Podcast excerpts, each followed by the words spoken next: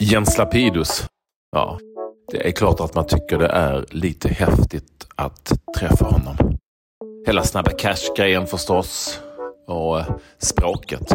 Men kanske framförallt språken när jag tänker efter.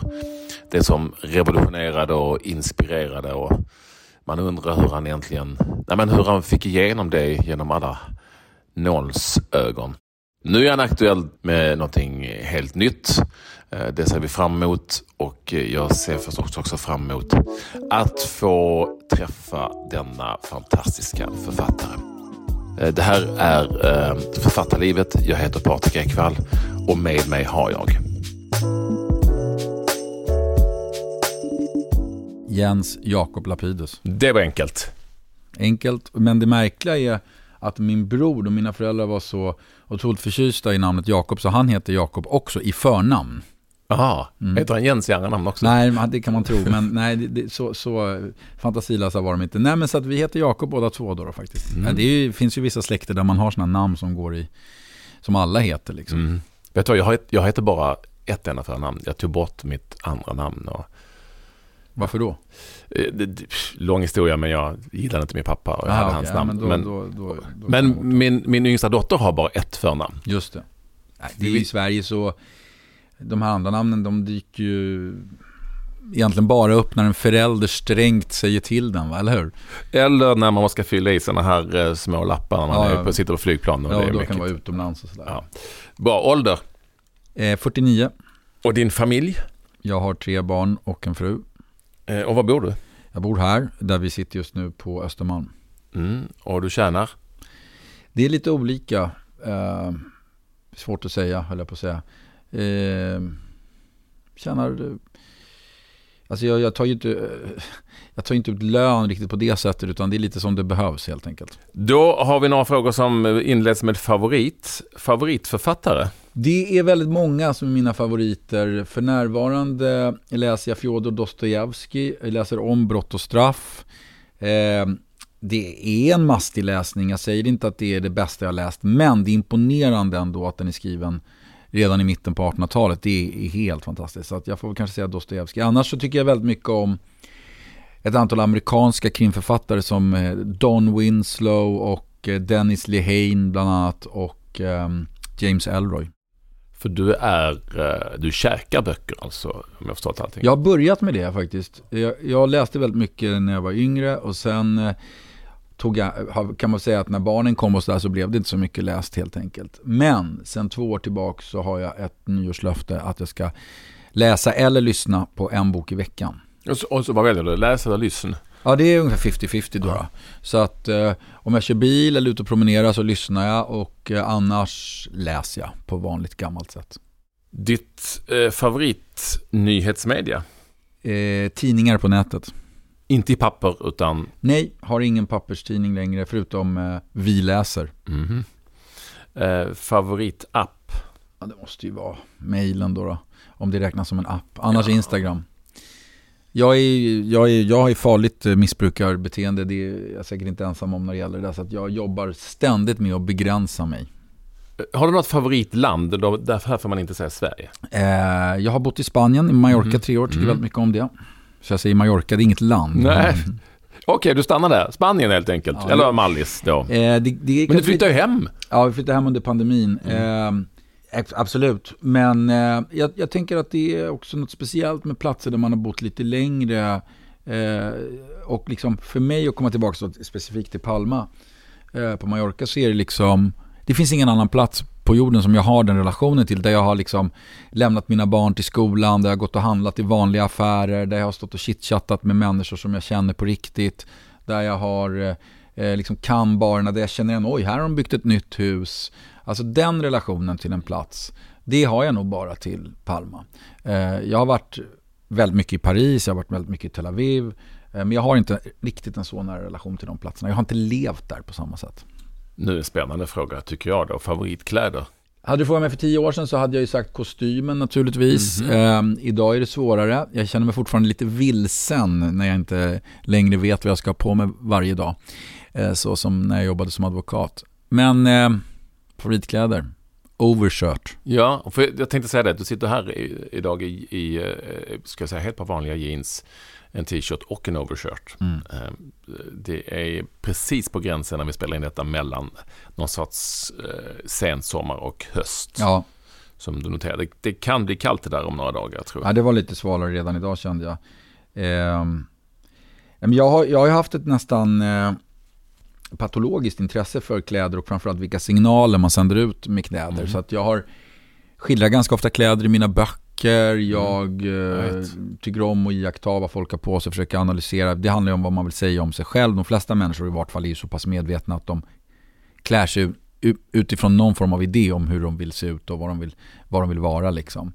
Så det där är spännande tycker jag. Såg du kostymen som en uniform eller du var på riktigt intresserad när du var advokat? Nej, men både och ska jag säga. Men framförallt är det en uniform. Det är en fantastisk grej att, eh, tycker jag, att man i rätten klär sig lite mer prydligt. Många kan ju liksom fnysa åt det där, men vadå, vad fånigt, varför ska inte jag kunna komma i trasiga jeans och t-shirt? Men dels är det väldigt allvarsamma saker som avhandlas i rätten, så jag tycker man ska visa respekt för det. Dessutom har vi våra positioner i rättsväsendet. Åklagaren tar en position och advokaten tar position. Vi är inte individer. Jag går inte in där som Jens Lapidus och tycker att den här killen åtalad för våldtäkt är Mr Perfect. Men i rollen som advokat så har jag ett visst jobb att utföra, en viss plikt att utföra, en viss position att ta. Och därför tycker jag man ska klä sig neutralt och inte individuellt. Och i vissa länder, faktiskt nästan alla länder förutom Sverige, har ju till och med aktörerna i rättssalen cap. En svart ja. Och i vissa länder har man ju peruk. Mm. För att markera det här som jag just beskriver. Och jag tycker det finns något fint i det.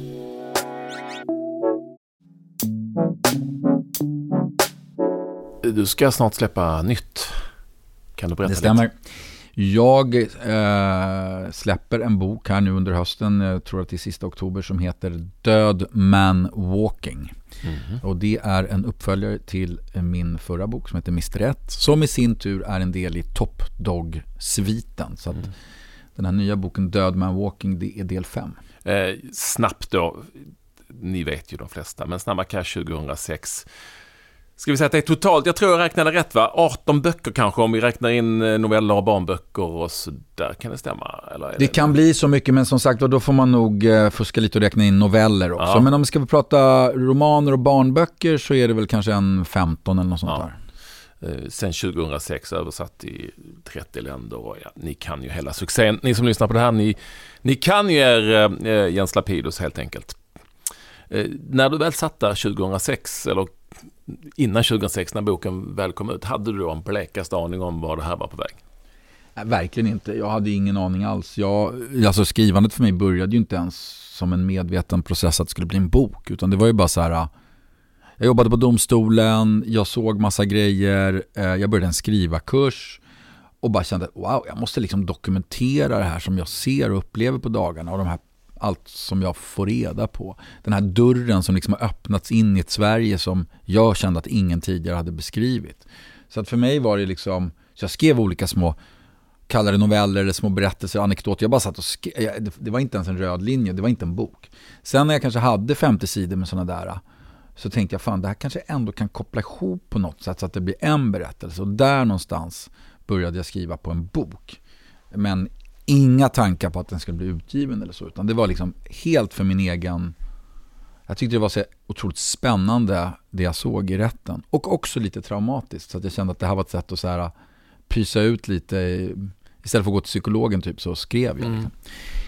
Sen när jag hade kanske hundra sidor så började jag inse att fan, det här kanske ändå kan bli en hel bok från början till slut. Och när den var klar så skickade jag den till lite kompisar. och min fru och lite sådär. Och folk var så här, wow, det här, det här är ganska bra Jens. Du kanske ska testa att skicka det till ett förlag. Liksom, tanken hade inte ens slagit mig ens då.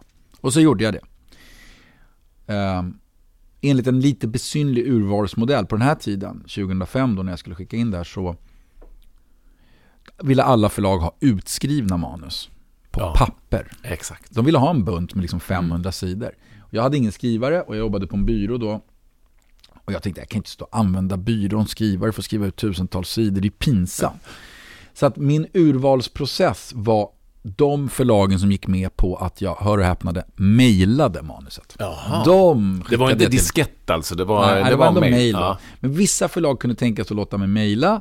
Det var fyra förlag jag fick tag på som var så liberala och de valde jag att skicka till. Så var det. Och vad hamnade du till slut då? Sen hamnade jag på Wahlström och Wistrand. Ja. Ja, det, det, är ju ett fantastisk story egentligen. Eh, Den som man har läst om eh, Gyllene Tider och eh, allt vad det nu kan vara som skickar in kassettband och vissa Ja. vill inte ta emot det utan det ska vara på, på ett annat sätt och så vidare. Ja. Men underbart story. Men, och, all right. Men att skriva en bok tänker jag, och det har du ju säkert lärt dig nu, det är ju inte bara att lämna in ett manus utan det är ju en helt annan process och det är någonting helt annat. än- Mm. Jag vet inte, du kanske redan hade koll på det? Nej, verkligen inte. Utan jag... eh, Det var inte ens min ambition då i början. Och det, och det kan man säga var ju kanske en fördel på ett sätt att jag var så omedveten. För sen har det bara blivit värre och värre, kan- eller svårare och svårare kan man nästan Mhm. säga. Det vill säga, min första bok, det var ju väldigt impulsdrivet, väldigt drivet. Jag var före jag hade barn, så att jag satt hela kvällarna, jag ville göra det där, jag längtade till det liksom. Och jag hade liksom ingen strategi eller sådär. All, all sån här teori kring hur man ska göra, det har kommit senare. Utan det här var väldigt, väldigt lustdrivet. Synopsis? Ehm, Ja, men alltså, ja, efterhand kanske jag tog fram någon kapitelplanering. Jag har ju blivit duktig på det där sen. Men min första bok var väldigt mycket bara direkt från så här mage, maggropen, liksom, gut feeling liksom. Ehm, det är lite intressant att det är, den, det är den boken som har sålt allra, allra bäst och blev den allra största succén när jag liksom inte hade någon idé om vad jag egentligen sysslade med. Men det var en lång process och som sagt var, jag gick då en, började en skrivarkurs på något som heter Skrivarakademin som eh, Folkuniversitetet tror jag det heter, en sån här Mm. folkbildnings eh, hade. Så en kväll i veckan eh, gick man, då var man en grupp människor, runt tio personer med en lärare och så fick man en läxa, beskriv en eh, mördares inre dialog eller beskriv en, en brottsplats. Mm. Så fick man skicka några sidor då, så fick gänget eh, gå igenom, så kritiserade man varann och gick igenom det där. Det var ju ganska jobbigt på ett sätt att få sina texter nagelfarna på det sättet. Men det var ett sätt för mig att komma igång och skriva också. Det jag tänker här är att när du väl började ge ut böcker så var det ju på något, på sitt sätt även i språket väldigt omvälvande. Det låter inte som Folkuniversitetet. Definitivt inte. Så när du satt där och testade och, och, och, blev bedömd, var du det språket som du gav ut i dina böcker eller var det någonting annat? Ja, Det märkliga var att det var liksom, jag testade ju olika och det jag märkte där var att jag kanske hade en fallenhet för det här lite svängiga, slangiga, korthuggna gatuspråket. För det var när jag skickade in de texterna som jag fick liksom, som folk liksom tyckte att det var något speciellt och, jag, och gillade det. Jag brukar få den här frågan, liksom så här, kan man lära sig skriva på skrivarkurser? Och i grund och botten är nog det pessimistiska svaret nej. Det vill säga har man ingen talang så finns det liksom inga kurser i världen som kan så här mekaniskt lära dig att om du skriver den här meningen så här så blir det bra. Men det det kan göra, och som det hjälpte mig med väldigt mycket, det är liksom att filtrera fram vilken stil som funkar för dig. Mm. Eh, och det gjorde det väldigt mycket för mig. Eh, så att jag kan inte säga att jag så att ja, det var inte så att jag lärde mig det här korthuggna och slangiga där, men jag fick gehör för det där och jag kände att det här funkar för mig där på något sätt. Så sen när jag kom med min första bok då, Snabba Cash, så, så fick jag då en förläggare som var intresserad men sa det är inte riktigt, det är för, det är för hårt språk Jens. Eh, det är för mycket slangord, för mycket kolon, för mycket korta meningar. Kan du inte skriva om det här till vanlig prosa som funkar, som alla förstår, jätteenkel prosa? Och jag vill gärna bli utgiven, så jag satt hela den sommaren 2005 och skrev om varenda mening. En liten friggebod som eh, eh, där vi har på landet. Där, där satt jag och skrev i den. Och sen när jag kom tillbaka efter tre månader, då sa hon så här, äh, men du, vi hade två lektörer som läste det här över sommaren. Vi gillade det som det var. Så det är enkelt så här i efterhand att säga att man ska tro på sig själv, men Ja. då var man inte så stöddig. Nej men det här är så intressant för jag hade, en- jag hade tänkt ut en fråga som handlade om eh, eftersom jag ändå själv har lämnat in manus till redaktörer och fått tillbaka dem. Eh, och då tänkte jag, ja, okej, men när Jens Lapidus lämnade in sitt första manus, vad, hur, vad, hur, hur gjorde ni då? För att eh, exempelvis hade jag skrivit i, i den här boken eh, 100k Mm. och redaktören undrar vad är det för någonting? Mm. Och jag har försökt förklara att ja, det är väl det språket man kanske använder i vissa sammanhang. Eh, eh, men ja, vad sa redaktören när hon, eller han såg Nej men det var den här språkgrejen liksom. Men annars var de väldigt eh, positiva. Jag, hade, jag har ju haft en ganska lite lyxig, smooth, alltså för det var ju då av de här fyra förlagen som jag skickade mitt mailade eh, Mm. korrektur till så var det ändå två som var ganska ordentligt intresserade. Mm. Vilket ju är ganska lyxigt att få 50% träff sådär när man kommer som debutant. För jag var ju inget namn då, det var ju inte så att liksom någon hade en aning om vem jag var eller vad jag kunde åstadkomma. Eh, så att ehm, jag, jag var ganska, jag var ganska bortskämd på det sättet. Men hon, hon var, det var framförallt det här med språket, att det var, mycket, det var en diskussion vi hade som ändå landade i att vi skulle behålla det här hårda språket. Eh, sen, så det där var liksom en bok som framkom väldigt mycket eh, via lust och som jag skickade in färdig som den var. Sen har jag jobbat lite olika med det där. Eh, numera jobbar jag med ganska korta deadlines med min förläggare. Eh, det kan, vi kan prata två månader, inte på en hel bok, men då bestämmer vi så här, ah, men då ska jag ha skrivit eh, liksom 50 sidor och så tar vi en liten diskussion om det och baserat ser att det är på väg åt rätt håll. Och det där är för att förut jobbade jag ju alltid med skrivandet vid sidan om advokatjobbet. Men nu är det bara skrivandet. Och då behöver jag, jag behöver den där pressen. För att om någon säger till mig Jens, ja, men vi, vi hörs om två år när du är klar. Det funkar inte för mig. Jag har full förståelse för det.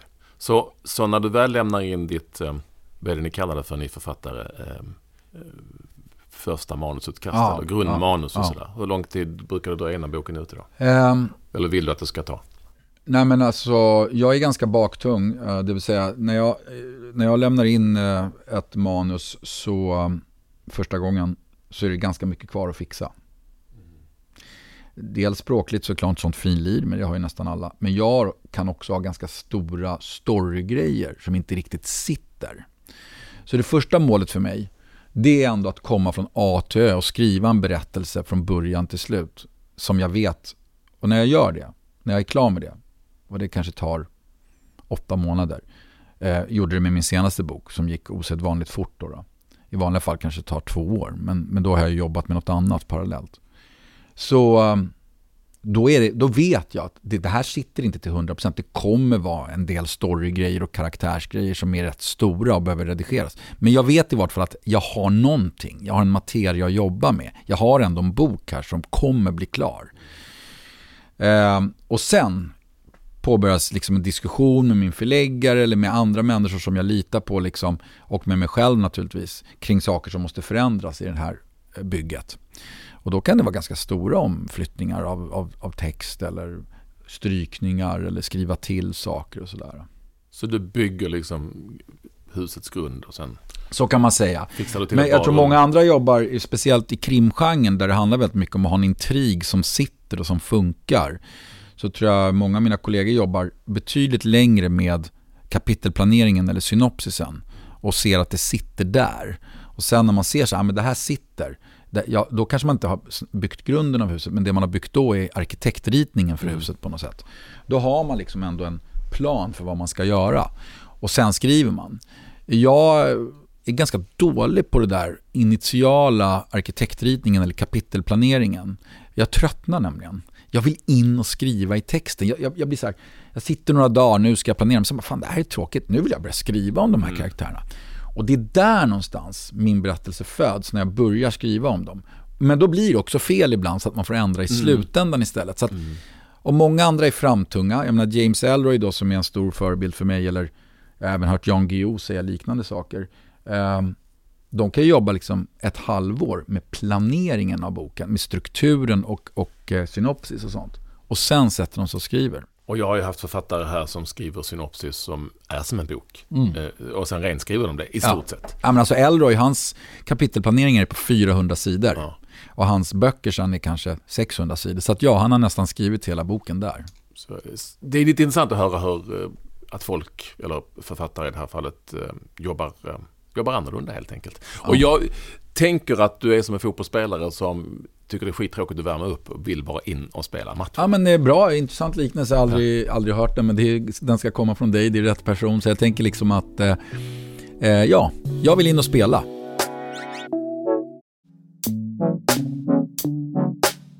Den här podcasten är sponsrad av Nextory, vilket jag förstås är väldigt glad för. På Nextory finns alla de böcker du vill lyssna på. Eh, plus en hel del magasin för den delen. Det du vill ha, det finns här. Jag har ett eh, jättefint erbjudande till alla er som inte har haft Nextory tidigare och faktiskt ett till er som är gamla kunder. Jag kommer återkomma till det. Dessförinnan ett par tips. Ja, givetvis så kommer ju Död Man Walking, Jens Lapidus nya bok, att finnas här. Lägg den i bokhyllan så länge. Ja, och passa på att lägga Kattfisken av mig själv också i bokhyllan. Den har Jonas Malmsjö läst in och den finns också där i början på november. Eh, ett annat tips är ju förstås eh, Johan Theorins böcker som jag gillar väldigt, väldigt mycket. Eh, Ölandsbaserade, så pass mycket skräck att det kryper i kroppen på en, men också väldigt, väldigt, väldigt välskrivet. Eh, en superfavorit där är boken Sankta Psyko, Sankta Psyko eh, som utspelar sig i ett nedlagt gammalt eh, hem för psykiskt sjuka. Den kan jag varmt rekommendera en sån här tung höstdag som jag sitter i just nu. Men även annars. Sankta Psyko, Johan Theorin. Detta på Next Story. Och då är det ju så att eh, tack vare eh, Författarlivet podcasten så kan ni få ett supererbjudande. Eh, om du är helt ny kund och alltså inte haft Nextory tidigare så kan du ladda ner appen Nextory. Där kan du få lyssna sex veckor gratis om du använder koden LIVET45. Livet och så siffrorna 45. Sex veckor helt gratis. Är du tidigare kund, då kan du få ett erbjudande som gäller för tre månader och det är då bara 79 kronor i månaden. Använd då koden LIVET79, LIVET79. Detta är alltså på Nextory. Missa inte de här möjligheterna nu. Tack, tack snälla för att uh, ni vill ta del av podcasten givetvis. Och tack så mycket Nextory för att ni vill sponsra Författarlivet. Du har sagt, uh, Jens, uh, att man inte ska se så instrumentellt på sitt skrivande. Vad menar du då?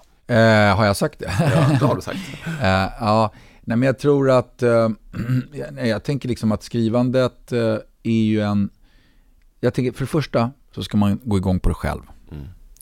Eh, man, man får så frågor, kan du ge något skrivarråd? Det finns jättemånga konkreta råd man kan ge och, och vi kan prata om några sådana sen. Men det mest grundläggande är att du måste gå igång på det själv. Du ska skriva det du själv vill läsa. Man måste försöka lite grann nästan glömma läsaren. Eh, eller ja, lite brutalt, skita i läsaren. För om du sitter och tänker att det här tror jag funkar just nu, det här tror jag den här typen av läsare gillar och det här. Till slut tappar man bort sig själv och bottnar inte det man själv gör. Så att för mig är det, eh, Jag, jag, jag måste känna lust, jag måste känna, och det är inte alltid så lätt. Det är så här, ska du tvinga fram den här lusten och härliga känslan. Och, men, men jag tror att det ändå måste bottna i att det är något man gillar själv. Mm. Det, det är en grej eh, som jag tänker. Jag vet inte om det var svar på den frågan. Jo, men det, det är nog att det, det, ska vara lustfyllt såklart. Ja. Alltså, det, det, får inte bli att du bara skriver efter noter eller vad mm. man ska kalla det för. Mm. Tänker du, som det är numera ibland, eh, det här kommer inte fungera i ljud?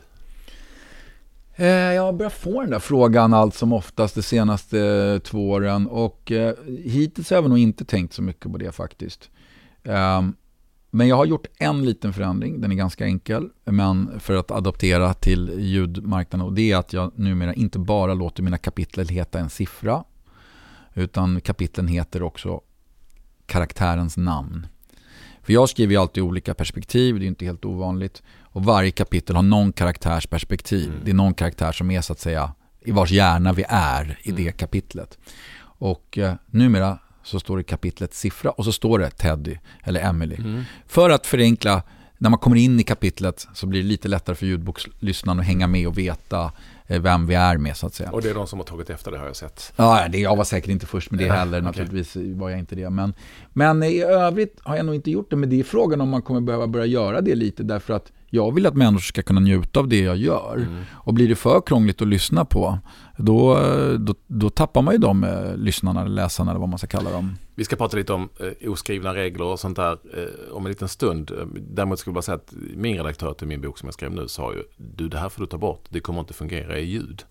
Och då blev jag lite så, okej, okay, sitter folk och tänker på det när de skriver? Ja, nej, men alltså jag gör inte det så mycket, men lite har väl tanken börjat fara. Vad var det för något då du var tvungen att ta bort? Det är intressant att höra. Nej, det var, vet du vad, det var faktiskt två perspektiv i ett och samma kapitel. Eh, och det har jag förstått att det är förläggare och redaktörer allergiska mot. Eh, och det här var bara ett test egentligen. Men i slutändan så blev det, det kommer inte att fungera ljud för att lyssnaren kommer inte att fatta. Mm. Nej men det, är ju lite, det hänger ju samman lite med det som jag försöker då skydda mig mot också genom att vara väldigt tydlig med vilket perspektiv det är och sådär. Mm. Uh, nej, kan, man, kan man köra två, två perspektiv i ett kapitel? Man får göra som man vill. Men det jag tror man, man ska göra är att man ska bestämma sig för hur man vill ha det. Jag tror att det, eh, det kan vara lite risky att köra ett perspektiv per kapitel och så bara i ett enda kapitel bryter man upp. Där, det tror jag kan vara, men herregud, allt funkar. Det finns inga... Det blev inga två perspektiv. Nej, nej, du tog bort det. Ja, nej, men herregud. Jag har Eller delade upp det i två kapitel kanske. Ja. Eh, oavsett vilket, det, det, är ju, det är ju faktiskt så att du inte bara på något vis, nu är du inte advokat länge, eh, jobbat som det. Man kanske är alltid där det är i grunden. Men någonstans så blir du ju också en intressant personlighet för att du har bra koll på det som just nu exploderar i vårt land. Eh, bokstavligt talat den här eh, natten till exempel. Ehm, det sägs att ehm, verklighetens kriminalitet har hunnit ikapp Jens Lapidus böcker till exempel. Ja, ty tyvärr finns det nog mycket sanning i det. Jag minns när jag skrev mina första böcker så var jag ju väldigt återhållsam med skjutvapen i böckerna mm. till exempel. Eh, just av den anledningen att jag visste då från mitt jobb att man skjuter inte varandra i den kriminella världen. Möjligtvis eh, i knäna. Mm. Eh, eller hotar. Men den här, den, det, det, liksom, man sköt inte varandra. Man dödade inte varandra helt enkelt. Det var väldigt ovanligt. Ja, och nu vet vi att verkligheten är raka motsatsen. Nu skulle det nästan vara otrovärdigt att skriva en bok om, om undre världen eller gangsters utan att de dödar varandra. Det skulle mm. ju framstå som oj vad snällt han skriver då på något sätt. Mm. Så att eh, verkligheten har verkligen sprungit förbi och eh, så. så. det är också nästan kusligt när jag läser en del av mina äldre böcker eller tittar i dem. Jag brukar inte läsa dem sådär igen men bläddrar i till exempel Snabba Cash eller Aldrig Fucka Upp eller Livet Deluxe då som var mina mm. tre första böcker så kan jag ju se nästan Alltså det, det låter ju lite, lite, lite drygt och, och skrytigt kanske, men det är nästan profetiskt alltså hur jag beskriver den verklighet som kommer också. Med, med de här gängen med unga killar, med rötterna i, i, i, andra länder och så här. Det är verkligen, det finns där, allt finns där och skjutvapnen och priset på kokain och hur, hur kokainanvändningen kommer att öka. Alltså det, det, it's already there. Alltså jag fattar inte hur jag kunde ha örat så nära mot marken. Men det, det, det finns där i de där böckerna. Ganska tydligt beskrivet. Börjar vi närma oss Paradise City också? Ja, ja och nej skulle jag säga. Um, jag tror ju att vi inte kommer göra det. Paradise City är ju inte min vad jag tror att Sverige kommer hamna, utan det är en dystopi, det vill säga det är mm. det varnande exemplet var vi inte vill hamna. Eh, jag tror inte dock att det räcker med de här nya skärpta strafflagarna med, med längre straff och borttagna ungdomsrabatter och Eh, preventiv avlyssning och sånt där. Det, det behövs säkert i många fall, även om allt kanske inte behövs. Eh, av den enkla anledningen att eh, vi har liksom släpat efter våra nordiska grannar. Vi, vi, vi har inte haft de här reglerna på plats. Vi har kanske varit lite snällnaiva, dumnaiva så här, trott att det, det, inte behövs. Men det kommer vi nog behöva och det behöver vi. Men det stora jobbet kvarstår ju och det är ju att eh, ta fram de preventiva, de sakerna som ska göra att de här killarna inte ens hamnar där. För man ska komma ihåg det att de här högre straffen och sådär, det är ju när brottet redan har begåtts. Det är retroaktivt. Eller att eh, ge utökade möjligheter för avlyssning. Det sker ju bara mot personer som redan är inne i den kriminella världen. Det är ju de vi vill avlyssna. Men hur ska vi hindra att folk ens hamnar där? Det är ju ett mycket luddigare uppdrag för samhället. Men det är egentligen det vi måste Innan ta till oss. Innan det krävs avlyssning? Innan det krävs avlyssning vad ska vi göra för att inte ska behöva avlyssna någon? Så kan vi sammanfatta det. Och det handlar ju om skola, bostadspolitik, segregation, hedersförtryck. Idrott. In, idrott naturligtvis Kom sätt. Igen, idrott är I, som... Idrotten är ett utmärkt exempel på en positiv kraft som borde användas mer och så vidare.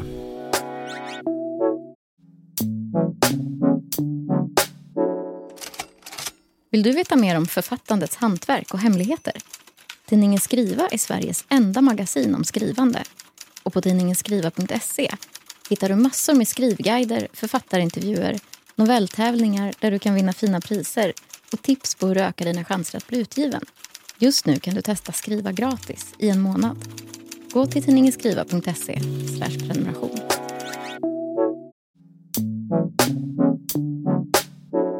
Vi eh, brukar plocka upp ett ämne att prata om. Eh, jag tror att du fick den uppgiften i ett mejl, men eh, du har inte svarat på det. Eh, så jag tänkte att vi skulle bara välja. Jag har skrivit här i min eh, dator, eh, men det, det kommer Det kommer ni sen. Ja. Nej, men vi, Mm. alltså, du, om du får välja ett ämne att prata om. Just det. Men du, du skickade lite härliga förslag Ja. till mig och jag tänkte att vi skulle prata karaktär då. Bra. Nästan alla vill prata trovärdighet. Ja. Vi kan nämna det också sen, men, men vi karaktär.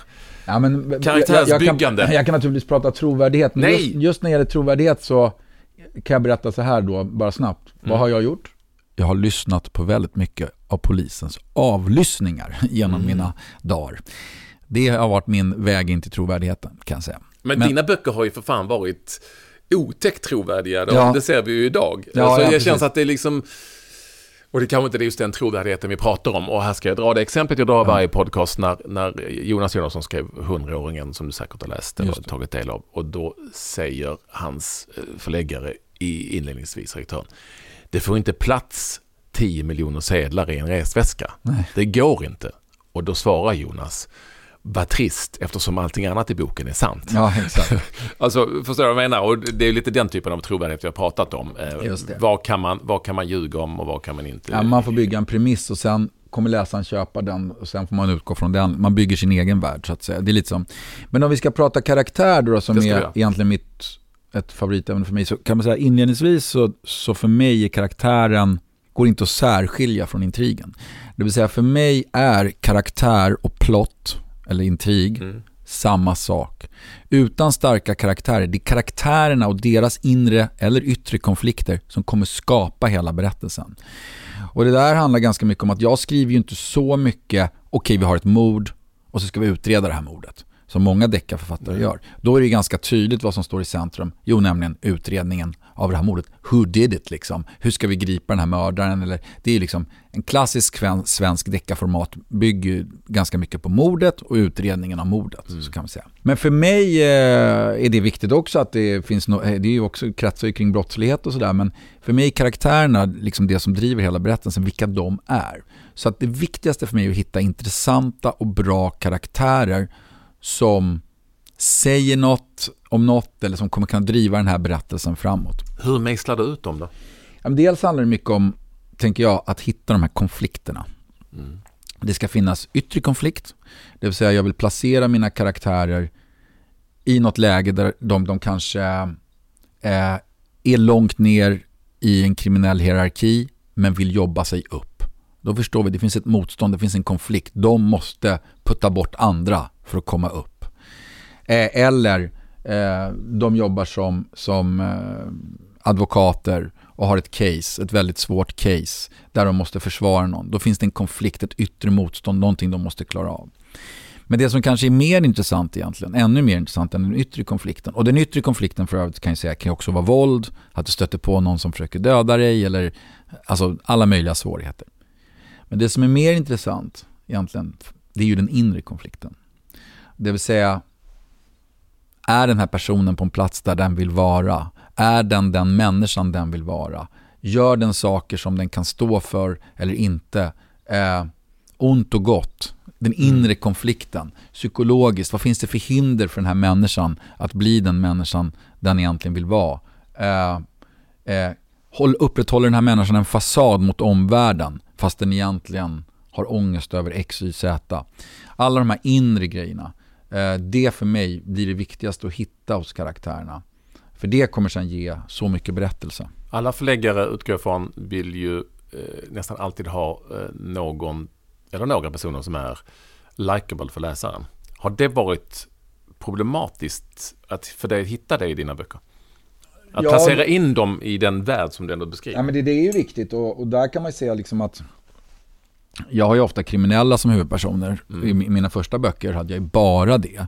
I Mr. Rätt och Död Man Walking, mina senare böcker, så är det mm, de, några kriminella, några är lite mittemellan och några är inte kriminella av mina huvudpersoner. Men, men jag tror det är viktigt att de är likable. Eh, Eller att de är så pass intressanta att läsaren blir nyfiken och vill veta hur ska det gå nu? Liksom? Hur ska det mm. gå för den här människan? Mm. Men, det, men det där med likeable är inget man ska underskatta. Till exempel när jag har kriminella karaktärer så säljer de knark, de rånar banker, de kan mörda folk, men de begår aldrig sexbrott. Och det är intressant ur ett eh, juridiskt perspektiv också att ur lagstiftans eh, eller samhällets perspektiv så är liksom inte en våldtäkt värre än ett mord. Men alla dagar i veckan kan vi läsa om någon som dödar någon och ändå tycka den är likable. Men vi kan inte ha en våldtäktsman som huvudperson och tycka att den är likable. Som viss typ Barnpornografi Ja, ja, det är ju inte ens att tala om. Nej. Så en viss eh, typ av brott kommer mina karaktärer aldrig ägna sig åt. För då kan de inte bli likable. Så att det där finns liksom i, i huvudet eh, på något sätt.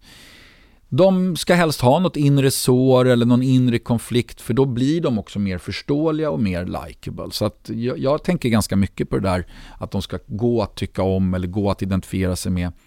Och går inte det så ska vi i alla fall bli nyfikna på dem. Den klassiska frågan är ju då alltid hur mycket är eh, på dina karaktärer som är du eller någon annan person mm. i din närhet? Jag skulle säga att det är väldigt mycket så, mm. men det är ett collage. Mm. Eh, så det är ett klipp och klisterarbete där det går aldrig att ta en karaktär och säga ja men det där är ju du Jens, eller det där är ju Patrik som du har helt modellerat den här karaktären på. Utan de är väldigt ofta en blandning av människor jag har träffat, egna funderingar och rena fantasifoster. Mm. Men man kan ju ibland göra så här med en karaktär att jag ställer den rent teoretiskt inför olika dilemman och därför förstår vem han eller hon är. Jag brukar göra en sån lista i huvudet till exempel. Här, vad skulle karaktären göra om hen vann 20 miljoner kronor?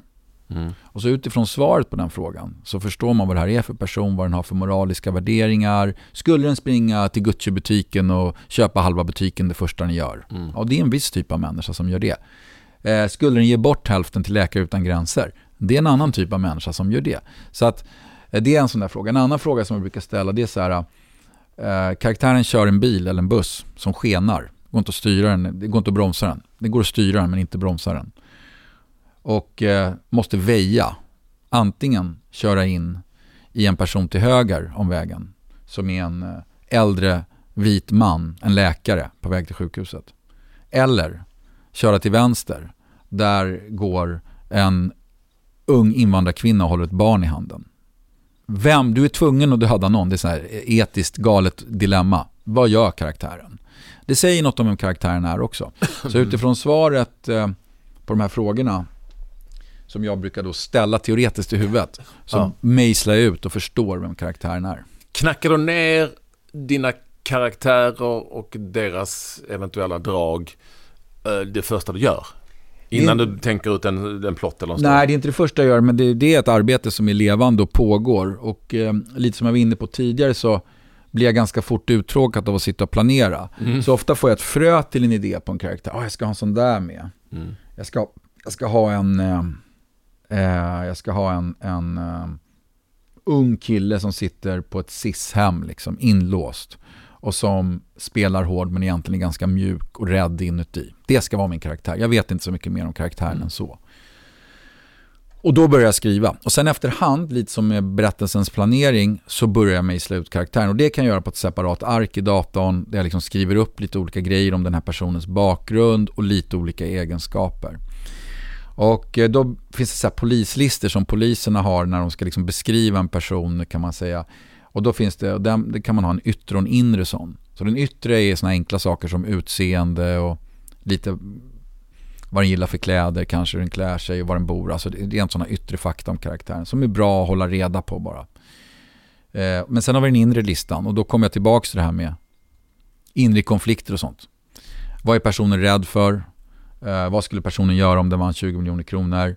Eh, vem skulle personen döda om den hamnade i ett, i ett eh, etiskt dilemma och var tvungen att göra ett, ett sånt val?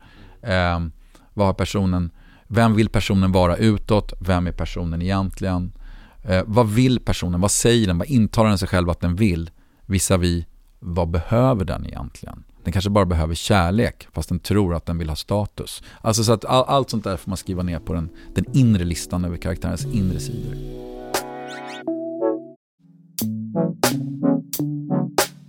Vi går in på språk lite grann. Alltså, du har ju touchat det. Jag har en fråga som jag har undrat lite över. Det är att dina böcker är ju eh, osannolikt populära i många länder. Men hur gör översättarna när de sitter med ditt språk? Det har ju varit en utmaning, eh, jätteutmaning har det varit mm. faktiskt. Eh, och jag har gjort ganska ofta så att jag gör listor, kan man säga, ord, ordlistor till översättarna.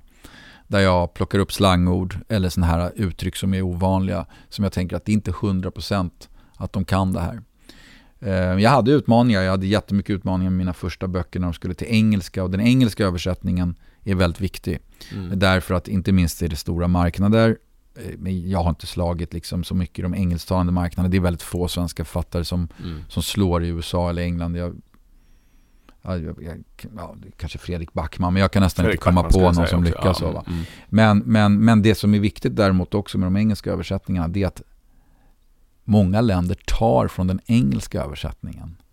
Aha, okay. Så Taiwan, Turkiet, eh, hebreiska, det är liksom de gör inte från den svenska översättningen nödvändigtvis. Det är inte säkert att det finns översättare för det. Nej. Utan de tar från den engelska. Så det blir liksom som en grundöversättning. Så det är extremt viktigt att den sitter. Nej men aldrig fucka upp blir rätt svårt att översätta på engelska. Ja, ja titlarna är svåra.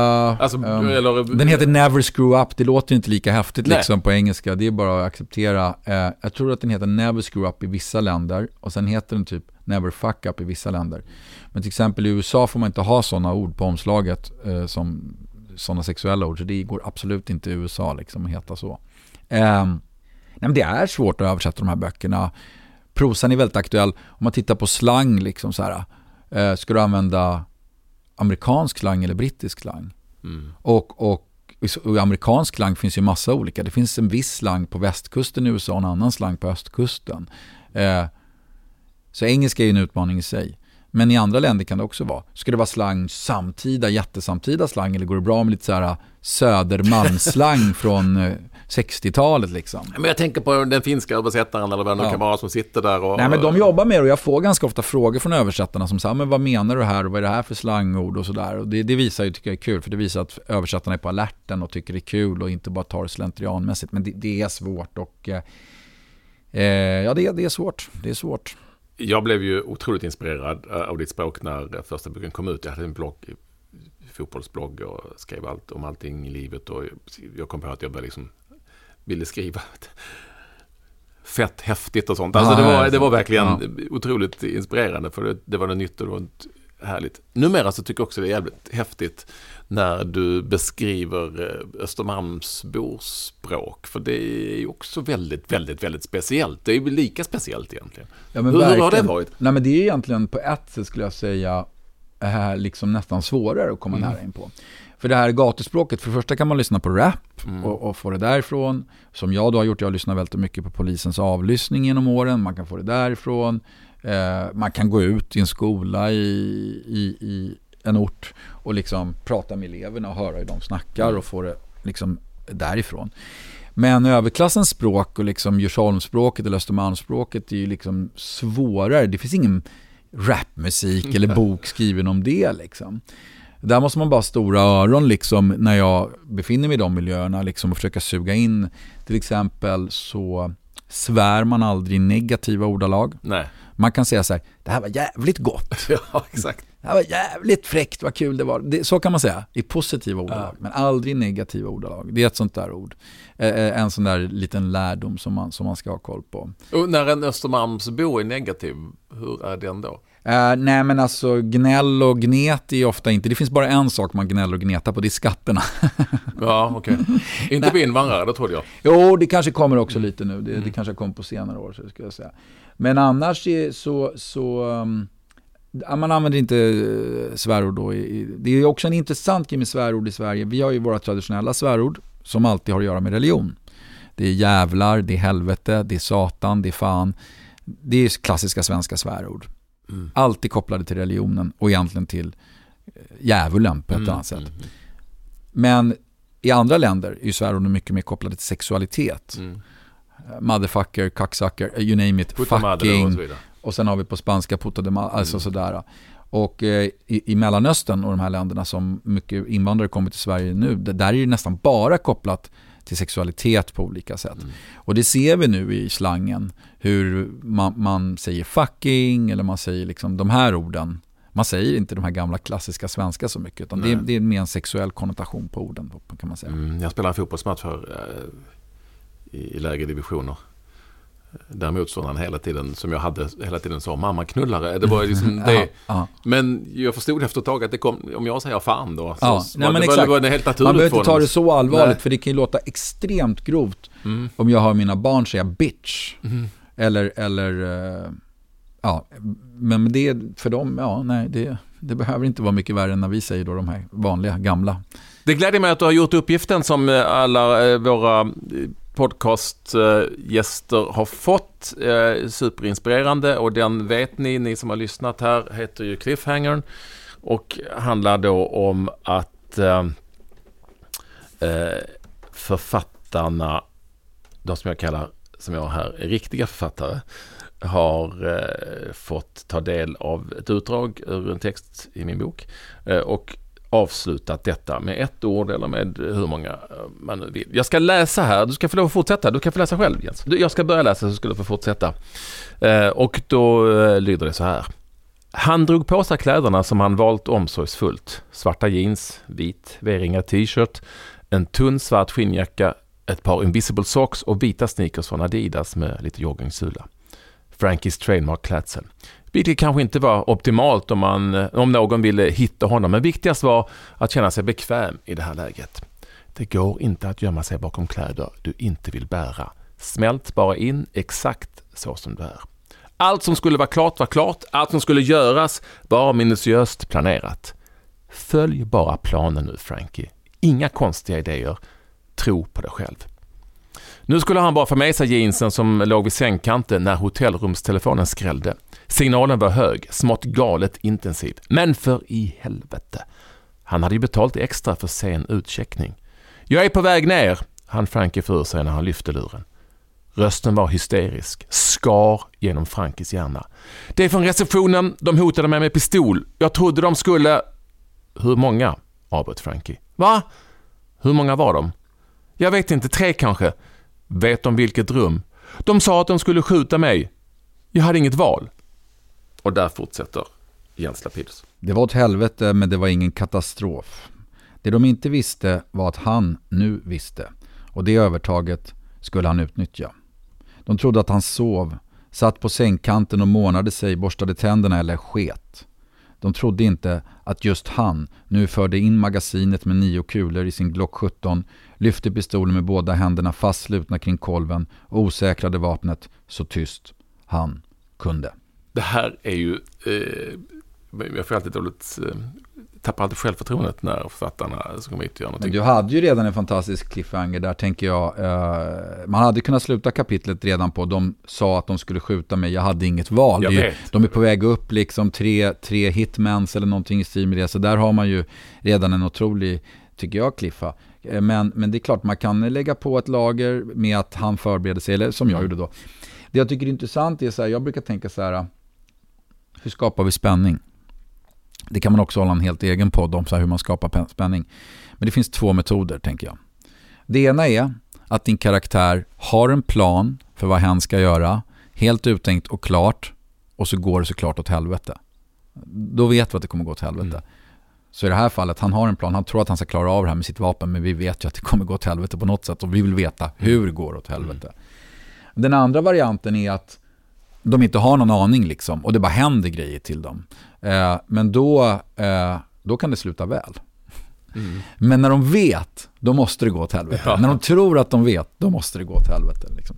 Så att jag tänker att eh, någon av de modellerna tänkte jag på i alla fall när jag skrev den här cliffhangern. Ja, eh, spännande och när jag har skrivit den här boken så har jag haft så otroligt svårt att ta mig från dokumentära journalistiska skrivande som jag vaknade vid i 35-40 år.